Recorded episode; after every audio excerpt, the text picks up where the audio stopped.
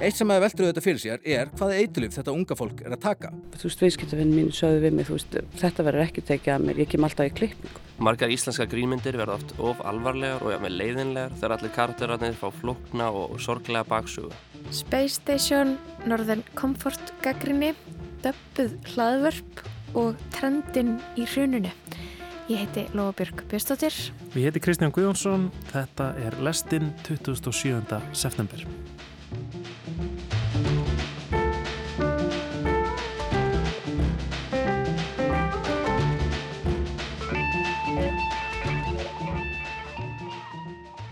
Í morgun rakst ég á frétt um nýjung frá streymisrisanum Spotify. Þeir eru komin í samstarf við ameríska gerfugrindafyrirtækið OpenAI og ætla að nota vélvit til að þýða hlaðvörp á Spotify. Samsagt, amerískir þáttastjórnendur geta farið að tala saman á spænsku eða þísku eða frönsku eða rúsnesku, já eða öfugt. Þannig notast við vél þýðingar og svo er búin til talgerfill úr röttum þáttastjórnenda en hann látin tala annað tungumál en sitt eigið. Hér heyru við þáttastjórnendan Lex Friedman til að mynda ræða við Ísraelska sagfræðingin Yuval Noah Harari, fyrst á ennsku og svo á spænsku. So let me ask you this question. How rare are these events in the vastness of space and time? Or put it in a more fun way, how many intelligent alien civilizations do you think are out there in this universe? Mm. Us being one of them. I suppose there should be some statistically, but we don't have any evidence. But I do think that, you know, intelligence in any way it's a bit overvalued. ¿Cuántas civilizaciones alienígenas inteligentes crees que hay en este universo? Siendo nosotros una de ellas. Supongo que debería haber algunas estadísticamente, pero no tenemos ninguna evidencia. Pero creo que, ya sabes, la inteligencia de alguna manera está un poco... Fyrsta hugsun er að þetta býður auðvitað upp á ímsa útrásarmöguleika fyrir okkur útvarsfólkið sem tölum ör tungumálið íslensku. Já, gæti lestinn sleið í gegn í Bandaríkjónum eða Pólandi eða Kína. Bara ef rattir okkar lóu væri látnar kynna einslögin á þessum tungumálum. Önnur hugsunin er, var þetta ekki nákvæmlega það sem Guð var að okkur við með dæmisögunum Babelsturnin? Þriði hugsun, en er þetta nokkuð eitthvað nýtt?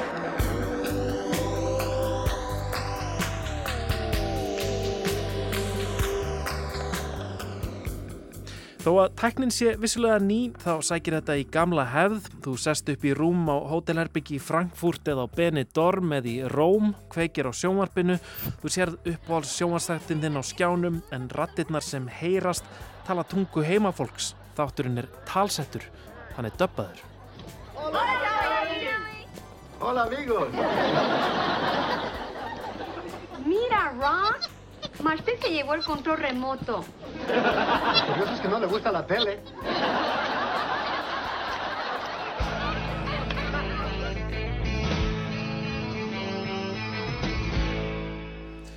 Döbbið varð fyrst til þegar hljóð kvikmyndir komið fram. Á tíma þöglumyndina var þetta nefnilega frekar einfalt. Það var bara hægt að skipta út textaskiltunum sem komu upp á milli atriða og útskýruð samhengið og orð personuna. Þetta gerði það verkum að það skipti áhörendur litlu máli hvort mynd væri amerísk eða þísk eða frönsk sem gerði kvikmyndabransan, já, frekar alþjóðlegan. Þegar hljóð kvikmyndir komu fyrst fram á sjónarsviðið á þriðja áratugnum þá var til þetta nýja vandamál. Áhörundin varð að skilja leikaran, hann varð að skilja tungumálið og bandaríkjaman skildi ekki sænsku og þjóðurar skildu ekki amerísku. Það var upplöst.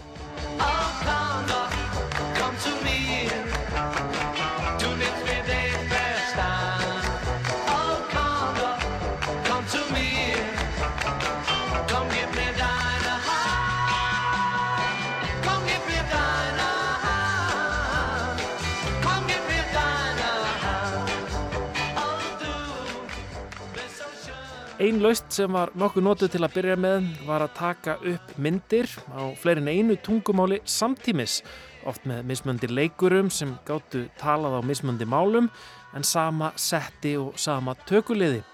Og sumirleikarar þeir gáttu meira að segja leikið á fleirin einu tungumáli. En þetta kostiði þetta pening, mikinn pening.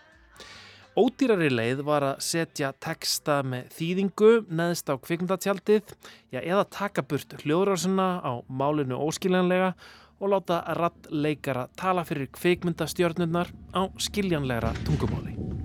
I'll be back. Ich komme wieder. Aspetto fuori. Je reviendrai. Маtakuru. Я вернусь позже.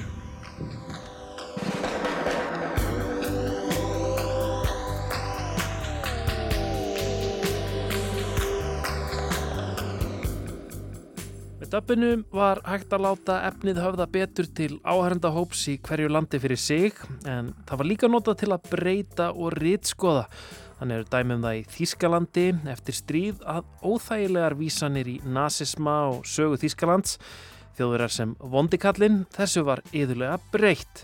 Í klassiskum kveikmyndum á borði Casablanca hurfur hinnlega vísanir í nazista og ansbytnu gegn þeim. Warst du gestern Nacht? Das ist schon so lange her, dass ich es nicht mehr weiß. Kommst du heute Nacht? Ich mache nie Pläne im Voraus.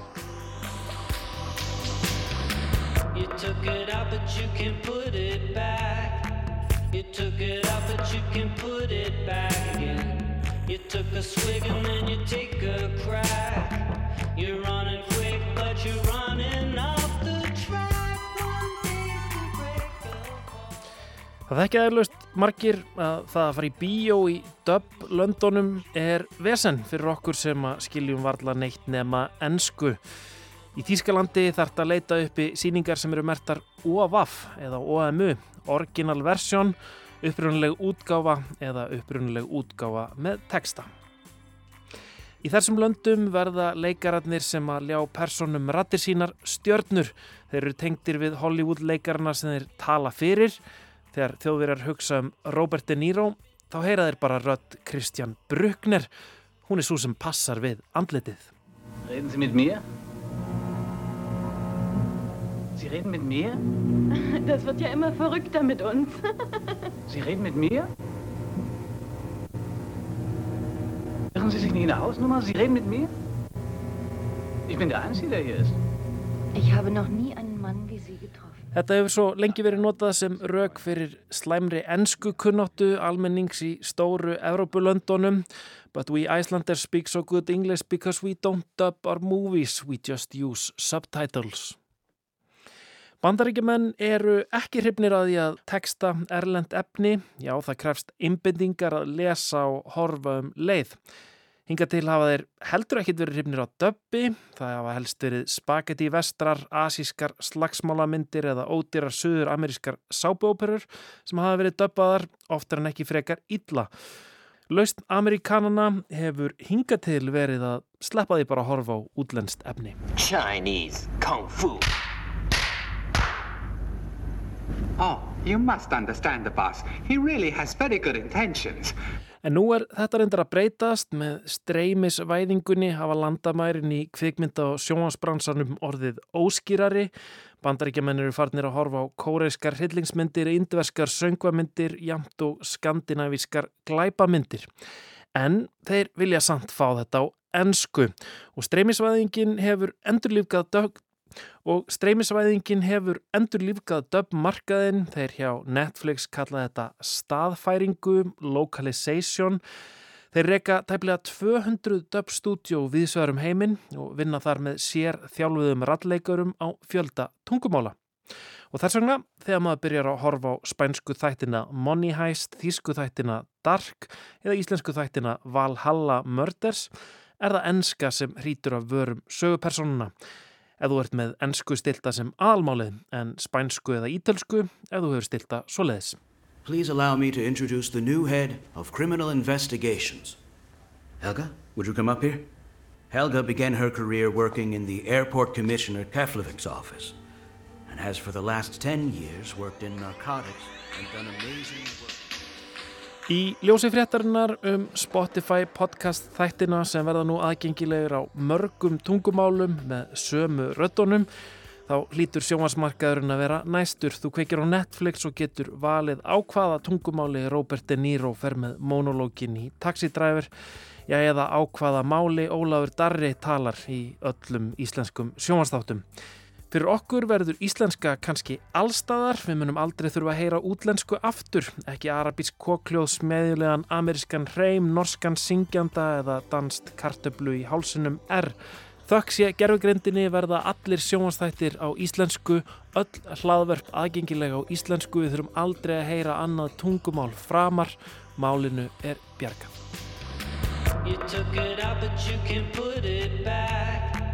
You took it out, but you can put it back. Again. You took a swig and then you take a crack. You're running quick, but you're running off the track. One taste to break the fall. One way to take us all to the shore. Can't say it's what you're bargaining for.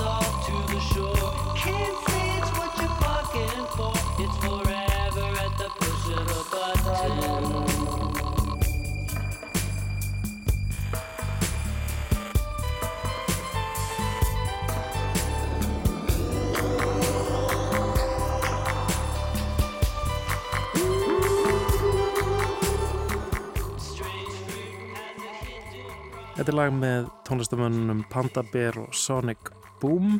Edge of the Edge dub remixað af Adrian Sherwood í dub útgáðu Ég var að velta því fyrir mér að þetta hefði verið mjög sniðut ef Spotify hefði verið komið með þessa tækni bara núna fyrir nokkrum vikum þegar ég var að reyna að tala þýsku í þýska útvarpinu.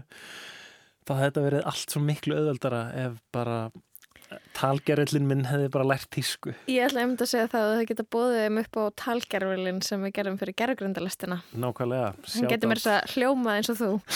Það er svolítið flott. Mhm. um, talandum um dub, um, ég fór í bíó í París á dögunum þegar stödd þar og uh, sem er kannski smá lúðalegt að ég fór að sjá íslenska mynd, ég far í Fraklandi, uh, eina myndi sem ég sá, en, en þá þarna, þú veist, ég ótaðist mjög mikið að ég myndi óvart enda á döppari já, af myndinni Northern Comfort. Sko í Þýskalandi stendur OVAF, originalversjón ef, ef maður er hérna að fara á uppruna tungumálinu Já, Vaff og í og, sem var á að mhm, leita já. versjón original. Já, ok, einmitt.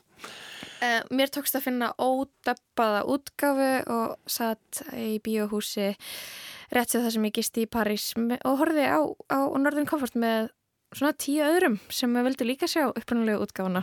Ok, En talandi um Northern Comfort, það er auðvitað næsta dagskrá Kolbeinn Rastrik um, kvikmyndagagrendi lestarinnar fór líka sjá hana ekki í París heldur á Íslandi um, Þetta er náttúrulega ný grínmynd úr smiðju leikstjórnans Hafsteins Gunnars Sigurssonar við skulum heyra hvað Kolbeinn hafði málið að segja Say hello, fearless flyers. Good life. This is the most important exercise. It's not the destination, but the flight that matters. Have booked us on a flight to Iceland. Exotic, right? That lump of volcanic rock in the North Atlantic. David, come back. You're a, you're a fearless flyer. Fáir geta ímyndað sér nokkuð betra en að ferðast um heiminn, hvort sem er á framandi slóðir eða sólarströnd með Íslandingabar. Sá fasti liður sem fylgir nær öllum ferðalögum til og frá Íslandi er þó alltaf flugferðin. Sumir hafa þó bröðuð á það ráð að prófa að keira af landibrott, en oftast leiðir það bara af sér að bílinn endar á botni Reykjavíkurhafnar. Sumir hrópa nú kannski útvarpið, það er hægt að sigla, en hvern enn er að vakka og veltast yfir allansafið í margar klukkustundir umkringdur dönum. Flugleiðin skal það því vera. Þó er ekki allir sammála um hversu mikil snild sigur okkar á hálóftunum er. Til dæmis deila söguhetjur kvikmyndarvikunar ekki þeirri skoðun. Þau eru þáttakundur í námskeiðinu Fearless Flyers eða Fíbldjarfir flugfarþegar á íslensku og á námskeiðinu læra þau að sigrast á ofsarhæslu sinni við flugferðir. Það var allavega ætlunin. Það virðist sem það verði hægara sagt en gert í tilfelli söguhetjana. Á þessari hugmynd hefst nýjasta mynd Hafsteins Gunnars Sigurssonar Northern Comfort en hún er íslensk, þýsk og bresk samframleðsla.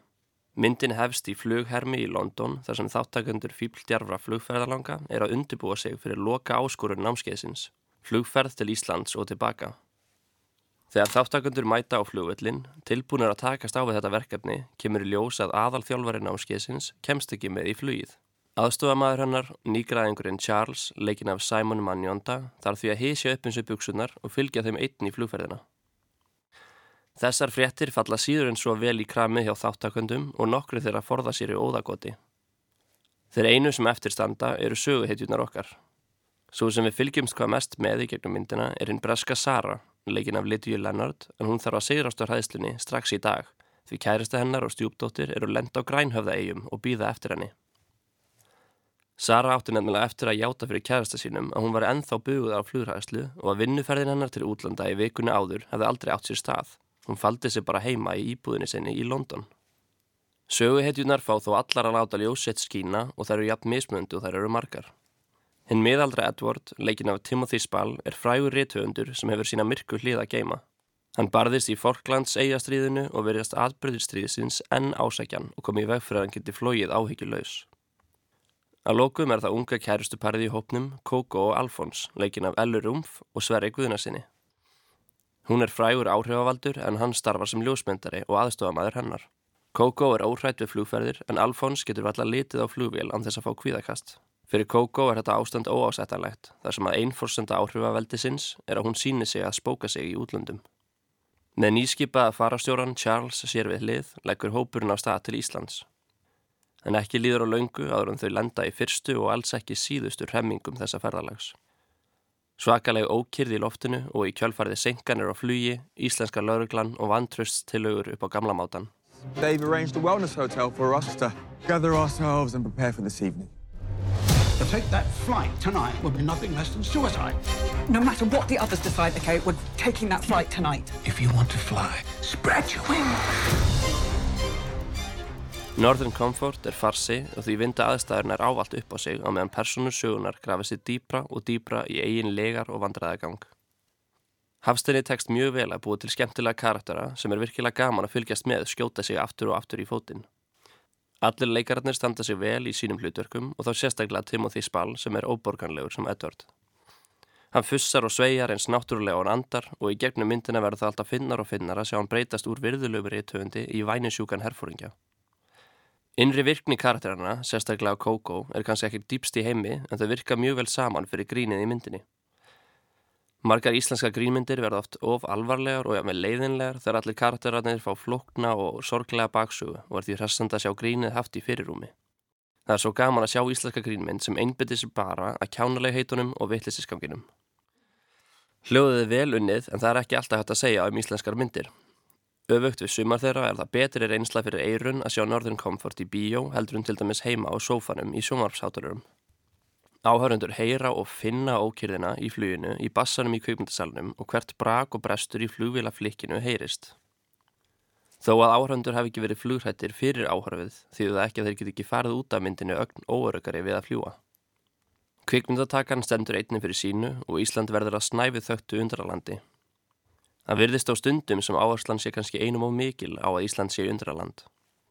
Laung skot af luxushóteli út á landi, bjarmin af lömpunum sem sést í gegnum þokumökkin yfir náttúruleginni og hvít fjöllin í bakgrunni. Allt þetta saman verður til þess að myndin líkist á köplum frekar auglýsingum um Ísland sem drauma millilendingarstað heldur en grínmynd.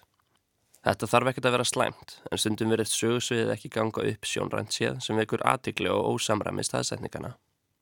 Sagan sjálf er fyndin í gegn og það eru mörg eftirminnilega atriði þar sem söguheitjunar eru búin að koma sér í fáranlegar aðstæður. Samt sem áðurinn er myndin ekki að halda skriði í gegn. Aðstæður verða fáranlegar og finnar en í staðis að fara lengra og grafa personunnar dýbra í vittlisunni stoppar hún sig af.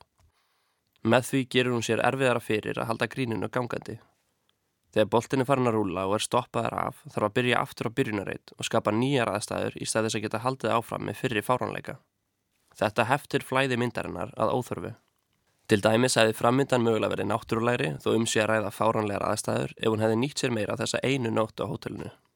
Það að klippa ára aðstæðunum yfir í morgunin eftir braut sérstaklega upp flæðið.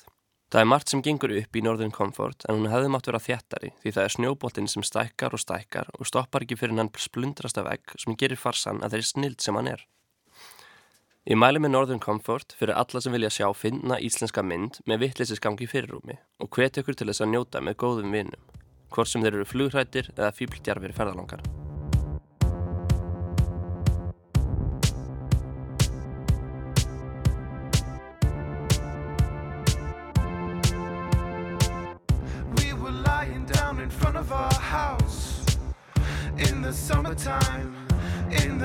of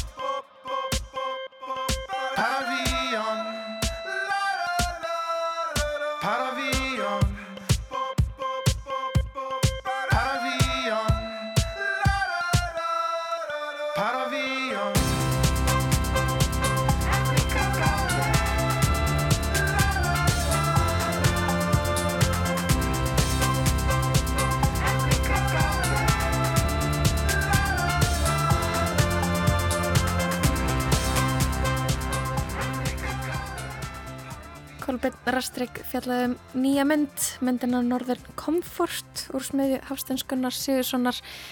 Þar á eftir heyrðum við lagið Paravion með FM Belfast með flugi.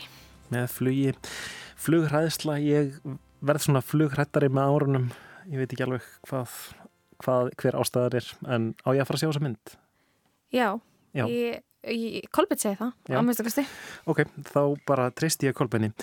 En við ætlum að fara 15 árs aftur í tíman að hruninu sem að hefur verið til umfyllunar hjá okkur uh, undarfarna viku. Já, í næstu viku þá eru 15 ár frá hruninu og við höfum verið að endurflytja þættina nokkri dagar í frjálsu falli. Að þessu sinni þá ætlum við að heyra um trendin í hruninu. Taka síðustu beinadósina Já! Það er heiðilegja fyrir mig jólamatinn Jólamatinn, þetta veist jólamatinn núna? Auðvitað, heyrðir ekki auðlýsinguna frá bónus? Hamstrið, hamstrið, áður allt klárast. Hvað heldur ég sé að gera? Ég heiti Sigrun Ægisdóttir og ég er hárgræslemestari á hárgræstunni Hótel Sögu, Hársögu. Hér er ég búin að starfa síðan ég var 17 ára gömul, sem eru svolítið mörg ár síðan það var. Ég heiti Birgir Helgason og ég er eða var á þessum tíma 2006 og 2008 og þar á undan starfsmæður hjá heimilistækjum sem að náttúrulega var sölu aðili af, af einbústækjum, bæði stórum og smáum, hérna í Reykjavík. Já, ég myndi segja að, að við svona hársnæsti fólk uh, erum náttúrulega með kúnan í höndunum og það myndast mjög oft mikil tengsl og fólk trúur okkur fyrir uh, sínum einstu tilfinningum og öðru. Og á þessum tíma þegar að hruni skellur yfir að þá finnum við náttúrulega fyrir sorginni, reyðinni, biturleika, fólk er að fara í gegnum alls konar uh, uh, mikil áföll, bæði með sjálfan sig og ættingja og annað. Þannig að við fáum að heyra margar dabra sögur á þessum tíma. Fyrst eftir þetta eh, hérna svo kallar hrun þá var þetta náttúrulega ákveðið sjokk svona svo sem fyrir marga og, og, og kannski flesta. En, en uh, lífið hjælt nú auðvitað sinn vana gang bara áfram. Það breytist heilmikið, heilmikið viðskipti. Uh, það voru, það voru ekki verið að selja svona einhverja stóra eins og við kallum það heimilispakka þar sem voru, voru öll heimilistæki í, í einu heldur var frekar um að fá kipti sem sagt minna og þá kannski það sem var nöðsynlegt. Eða um var að ræða að sem dæmi þvóttavíl bílaði þá kefti fólk þvóttavíl, kefti bara ódýrarvél og ekkert annað. Það var líka keiftölvöld af, af uh, svona tækjum og tólum uh, sem á voru svona kannski áttu svolítið að spara manni heima við. Það er eins og brauðgerðarvélar og, og matinsluvélar sem fólk fór að svolítið þarna eftir á að búa til heima á sér. Ég man sérstaklega vel eftir þessu af því að ég er raun og verið rak tvær stofur á þessum tíma. Ég rak útibú frá okkar stofi hérna Hótel Sögu nýri í Östustræti sem að við stopnum 2005 og þurftum að loka áramótum 2008-2009 sögum þess að húsarlegan fór upp úr öllu valdi og eins og ástandi var þá þarna nýri bæ voru við aðalega með bankafólk sem að komi í vinnutíma í klippingu sem að hægt að koma. Þannig að stofan í raun og veru korki stóð undir undir sagt, leigu og, og síðan bara þessi viðskiptverðin okkar sem voru komið þarna úr meðbænum gátt ekki farið úr vinnu af því það voru allt, allt frosið. Fyrir okkur bæði hérna nýri bæ og hérna á þessar stofu var þetta mikið sjokk og rosalega hræðisla fólk svona, mér fannst fólk svona setja sig aðeins á, á hold í rauninni. En við samt, myndi ég samt segja við fundum ekki fyrir ég myndi segja fólk uh, hugsaði með sér ég ætla ekki ég ætla ekki að láta, ég ætla aldrei að hætta að fara að hugsa um sjálfa mig ég ætla, ég ætla að líta vel út þó ástandi sé svona og, og ég heyrði alveg, þú veist, viðskiptavinn mín sögðu við mig, þú veist, þetta verður ekki tekið að mér, ég kem alltaf í klippingu Í framhaldi af þessu öllu saman þá, þá var náttúrulega svo lítil svona múæsing í gangi eða allavega upplifði ég það þannig. Mér fannst svolítið eins og fjöðmiðlar vildu svolítið stýra ferðinni eða, eða hafa allavega einhver áhrif á hana og, og þeirra var verið að segja frá hlutum í fjölmiðlum og þá var svona svolítið spurningum er ekki allt brjálað að gera í fristikistum eða seljið ekki mikið af einhverjum ákveðnum vörum eins og það verður svona leiðandi það verður svolítið svona leiðandi spurningar frá mörgum af mörgum af fjölmiðlamönnum lág alltaf í spurningunni að maður ætti bara að svara því með jái. Uh, samt myndi ég segja að við fundum fyrir alveg vissir breyting á stjæmbili. Við fundum fyrir uh, fólk svona kannski uh, fóra lengi á milli sem eru að koma til okkar á þryggja upp í sex vegna fresti. Það fóra lengja tíman. Það kannski sumarkonu notuðu tækifæri og letu gráa hári vaksa. Vildu bara verða gráharar hafa ekki efna á að koma í lit og komið þá kannski fyrir eitthvað í klippingu. Við fundum rosalega mikið fyrir hvað vörusala því nú erum við náttúrulega með vandaðri og dýrari sjampo heldur en fást í búðum og við fundum fyrir algjöru stoppi þar sem er alveg komin í blúsandi gang aftur. Við fundum miklu breytingu þar að það stoppaði eiginlega algjörlega. Það bara reik fjallu sjampóin í Nei! Hann er að klára pastað! Jæja, kallinn, þetta er staðan. Heyrðu, þetta er alltaf tæmast, sko. Já, er það? Sko, pastað, það var að klárast bara rétt í þessu. Nú, það er fínt. Þá erum við búin með allar vörurnar sem runn út í síðustu viku. En, en hvað gerum við þá? Nú, þá setjum við bara fram allar vörurnar sem runn út um miðjan september. Já, þetta er frábært, Jóhannes. Ef fólk... Eitt er í viðbútt að, að hérna, þetta hrun, það gerist náttúrulega þeim tíma, setni part árs, að, að e, þarna er farið að koma að, að sláturtíð. Og þá var náttúrulega tilvalið þessu síðustu mánuði ársinn sem eftir liðu að það var að kaupa slátur. Og, og það var að þeim hluta til var, var til dæmis sala í fristikistum ágætt eins og hún hefur, hafði alltaf verið mörg ár e, þar á undan. En, en e, það, það var alveg sama með þetta árun svo árun á undan. Fólki keipti svona hluti ef það bara þurfti á því að halda. Þetta spilaði svolítið inn í að þarna fór í hönd e, slátutíð og, og annars líkt sem fólk gætt svolítið svona ekki kannski hamstrað en, en svona sapna sér til, til betri tíman Já, mér finnst sko, eins og ég segi, þú veist, eftir tíu ár, þú veist, þetta er bara ótrúlegt að þetta skulle vera tíu ár, tíminn líður svo hratt, en þú veist, þá samt hugsa maður tilbaka hvað hefur margt gerst á þessum tíu árum, uh, bara í þjóðfélaginu og öllu í kringum okkur. Við erum alveg komin á fúlsving aftur í, í eðslu og öllu, við sjáum það bara á okkar viðskiptavinnum og það er, það er mikið um að vera hjá fólki, fólk er að fara, eins og ég segi, þú veist, það, það við vitum svo mikið um, um fólkið okkar að því við spjöllum mikið. Það eru allir að fara til útlanda í dag. Það er rosalega mikið ferðala á fólki. Fólk er að leifa sér miklu miklu meira. Þannig að maður er svona að hugsa þú veist, vá, það er bara það er mikil, mikil breyting. En aftur á móti, þú veist þegar við lítum, lítum tilbaka þá eru rosalega margir sem bara eru sorgmættir en þann dag í dag og það er náttúrulega dabrast á öllu því að það er náttúrulega svo rosalega margir sem fóru bara illa út úr þessu.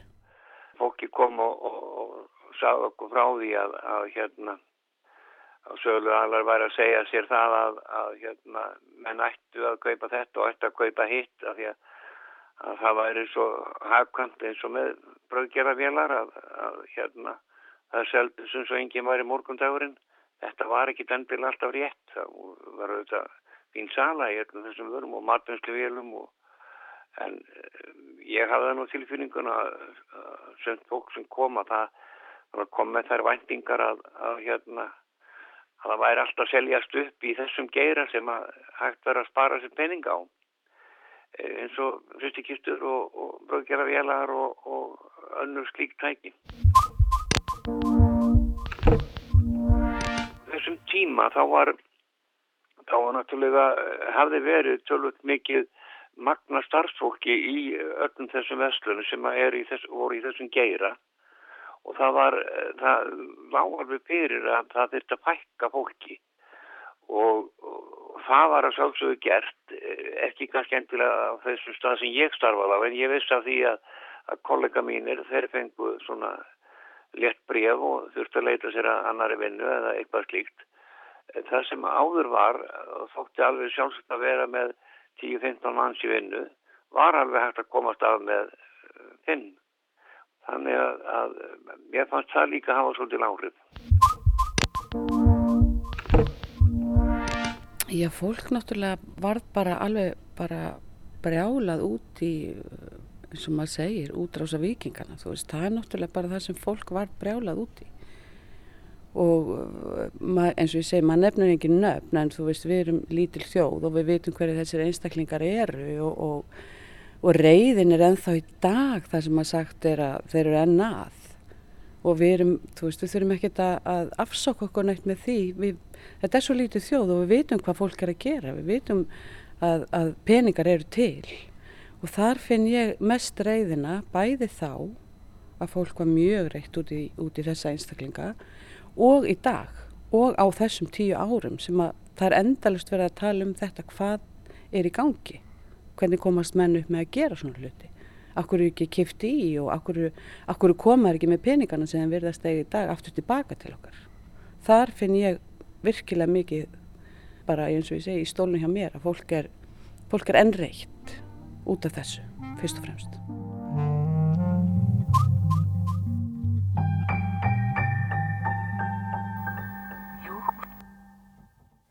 Þannig heyrðum við fymta þátt af þáttunum nokkru dagar í frjálsu falli. Þættir úr smiðju Guðna Tómassonar og Þorgerðar E. Sýrðardóttur frá árinu 2018 og í þessum þætti þá voru það að fjalla um e, trendin í hruninu og rættu við Sigrúnu Ægisdóttur og Birgi Helgason. Kristján, var að rifast upp fyrir mér þegar allir voru að tala um það má ekki gleyma að hér var hrun sem allir sögðu einlegt í svona tvö ár og svo í kaltæðinni svona fimm ára eftir og ég veit ekki hva, hvernig viðbröð maður myndi fá núna ef maður myndi bara segja það má ekki gleyma að hér var hrun hvernig er fólk ekki, að fara að taka því, skilur við? En er ekki fólk bara búið að gleyma því, eða veist? Ég held, ég held að við séum örglega einu fáum sem er að halda upp á 15 ára ammali hrunsjú. Einmitt, en þetta voru, já, þetta voru merkilegi tímar og uh, má ekki gleyma því. Að Það má var ekki gleyma því. hrun. En við ætlum að snú okkur að allt öðru, við ætlum að heyra um hljómsveitina Space Station sem gáði sína fyrstu stuttskifu núna í sumar. Um, eitt lag á þeirri plötu var svona eiginlega lag sumarsins hjá mér, Hjálfurinni, var Hvít vín. Já, það er líka lag sumarsins hjá Daví Róts. Mm, ok, herðu, Daví Róts, uh, við skulum heyra hvað hann hefur að segja um lag sumarsins og hljómsveitina Space Station.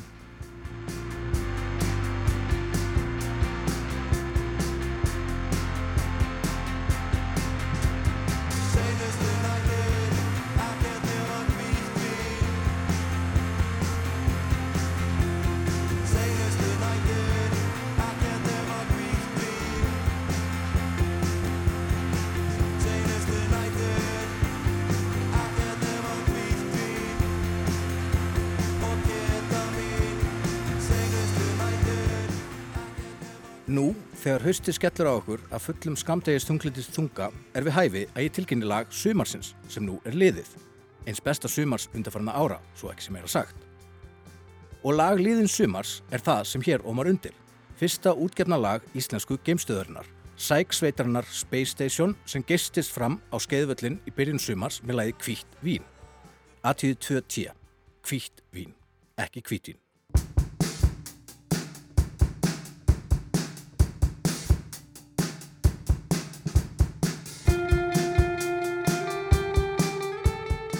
Við byrjum á rífarböðum trommum og erum björt og sindrandi gítalína. Galsafullur eirnaormur bóra sér leið inn í meðutunduna þar sem hún tekur sér bólstað og situr sem fastast. Þetta er svona gítarhúk sem maður heyrði oft í indie-rocki á fyrstu árum aldarinnar. Þegar ramaskítarinn sem hljóðfari skipti ennþá máli og grípandi gítalína kann virka sem viðlag sem barlægið uppi. Síðan kemur bassalína sem eldir og fleiri gítarar sem hjakkast í hjólfurnum Og þessari sumarlegu súpu er leift að anda í góða mínútu áður en mannsröttin hefur loks innræð sína í herlegheitin.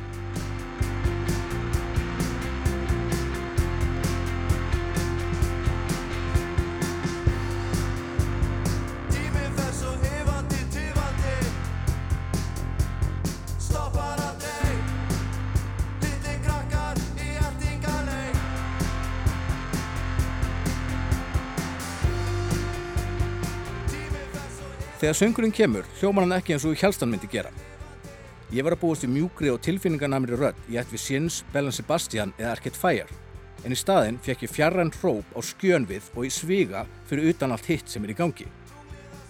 Tíminn fer svo yðandi tífandi, stoppar aldrei, litlir krakkar í eltingaleik. Og það er röddinn og hvernig hún er tekinu sem algjörlega gerir lægið.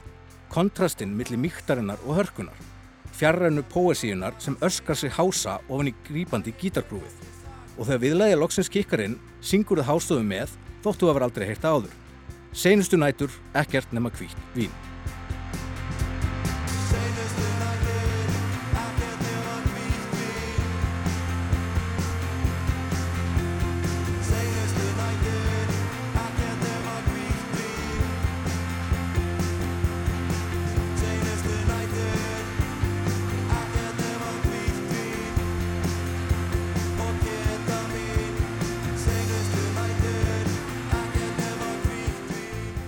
Já, hvítt vín og ketamín var fyrir mér og mörgum í minni kreðsu lag sumarsins skuldlaust.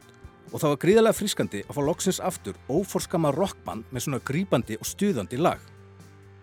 Ég sá Space Station spila live á útitónleikunum Keksport fyrir utan Keksið í byrjun júli og það var líka sem ferskur andvari í þá hip-hop og raf-pop senu sem maður á að venjast frá tónleikum nú til dags. Í staðin fyrir menn og konur, norpandi yfir fartölvum og synþum voru þarna fimm rúmlega tvítjur drengir með ramaskítara, sólglerugu, síkarettur og attitút og þeim var svo nákvæmlega sama um fólkið sem var að horfa á það.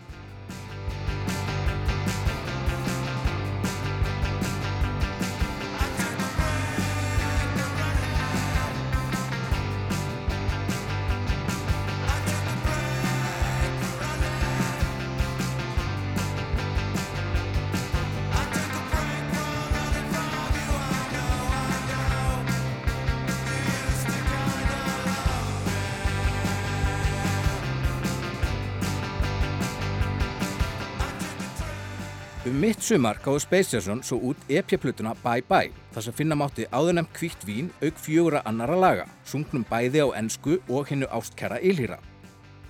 Hún hefst eins og svo margar góður sögur á lest til Berlínar, læginu I Took a Train to Berlin. Borgin verandi mekka bóhema og höfuborg hedonismans á meginlandinu í háa herrans tíð. Staður þar sem margar sveitir í svipuðum anda og Space Station hafa ferðast til og sumar endar þar æfidaga sína eftir að hafa gefið sér sukkinu algjörlega á vald. Losarlegur hljómurinn og pönkaður söngurinn hæfa titlinum fullkomlega og við erum strax mætt á suppulegan bar þar sem allir og ömmur þeirra gangum með sólgleru innan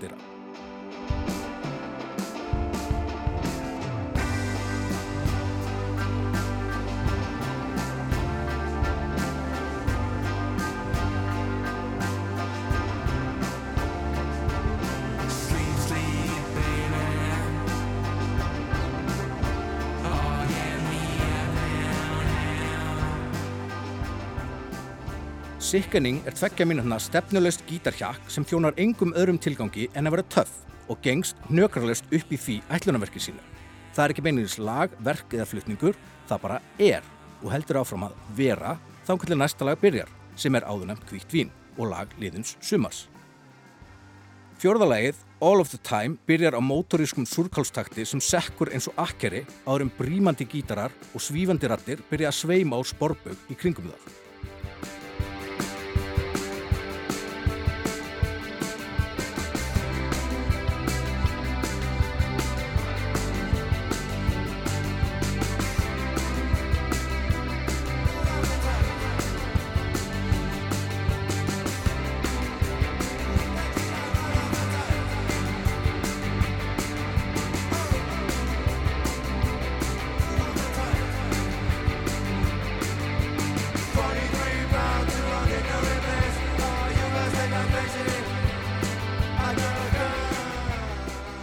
Þetta er allt saman kyrt áfram á einhverjum kærileyslulegum töffarskap sem er mér lungu hulinn og gufa líklega upp úr flestum fljótlega upp úr tvítugu. En strákarnir í Space Station er ennþá með þetta. Þetta þetta sem enginn getur sett fingurinn almennilega á en er drivkrafturinn í gröðum böndum í upphafi fyrirlsins. Eitt sem að veldur þetta fyrir sér er hvaða eitulif þetta unga fólk er að taka og þeir spyrja sjálfan sig þeirra sömu spurningar í lokalagi epiplutnunar. Hvað ertu að reykja?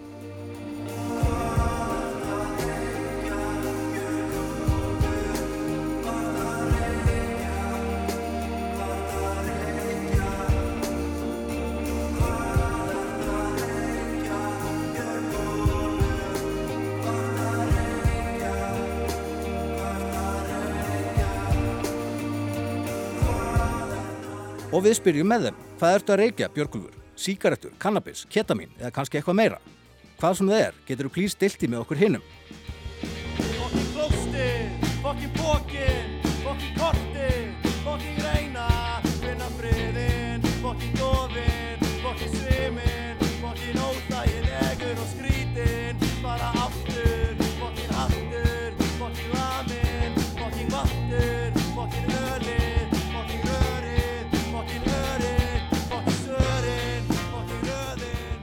Loksins er komið aftur heiðalegt rockband sprottuð upp úr síkatilíu sjönda áratugurins, punk anda hins síð áttunda, taktmælis kerslu þíska súrkálsins og drullu sama attitúti Singapúr Sling.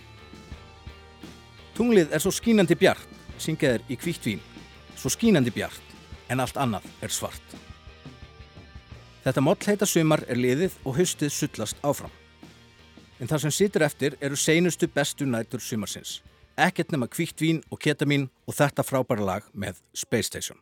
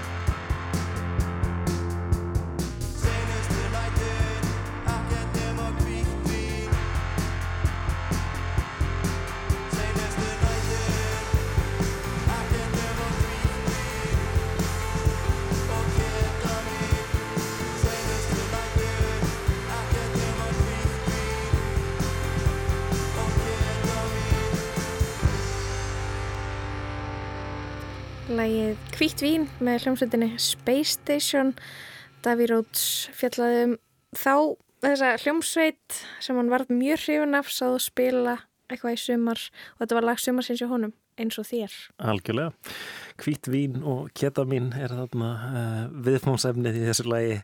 Uh, Lóa, þú varst að segja að þér finnst sko uh, indie sleaze vera komið aftur meðal annars með hljónstum eins og Space Station en, en líka bara í svona tísku og... Já, tísku og tónlist og, og fagurfræði og svona hvernig Já, hvernig, hvernig allir vilja líta út á netinu, sko, en ég var smá feimin við að vera eitthvað lýsaði yfir út hjá mig, það er svona smá gamlar fréttir, það er svona langt síðan að, veist, það er til dæmis eins og Instagram-reikningurinn Indie sem er bara að posta MySpace myndum frá 2007 aftur og aftur, bara Amy Winehouse á jamminu, Block Party, svona rifi upp tímana þegar tónlistamenn mættu á klubbin tengdu iPodin sinn og fór að DJa þannig. Svona þessa tíma, þetta Mhm. svona þetta augnableiki í menningunni.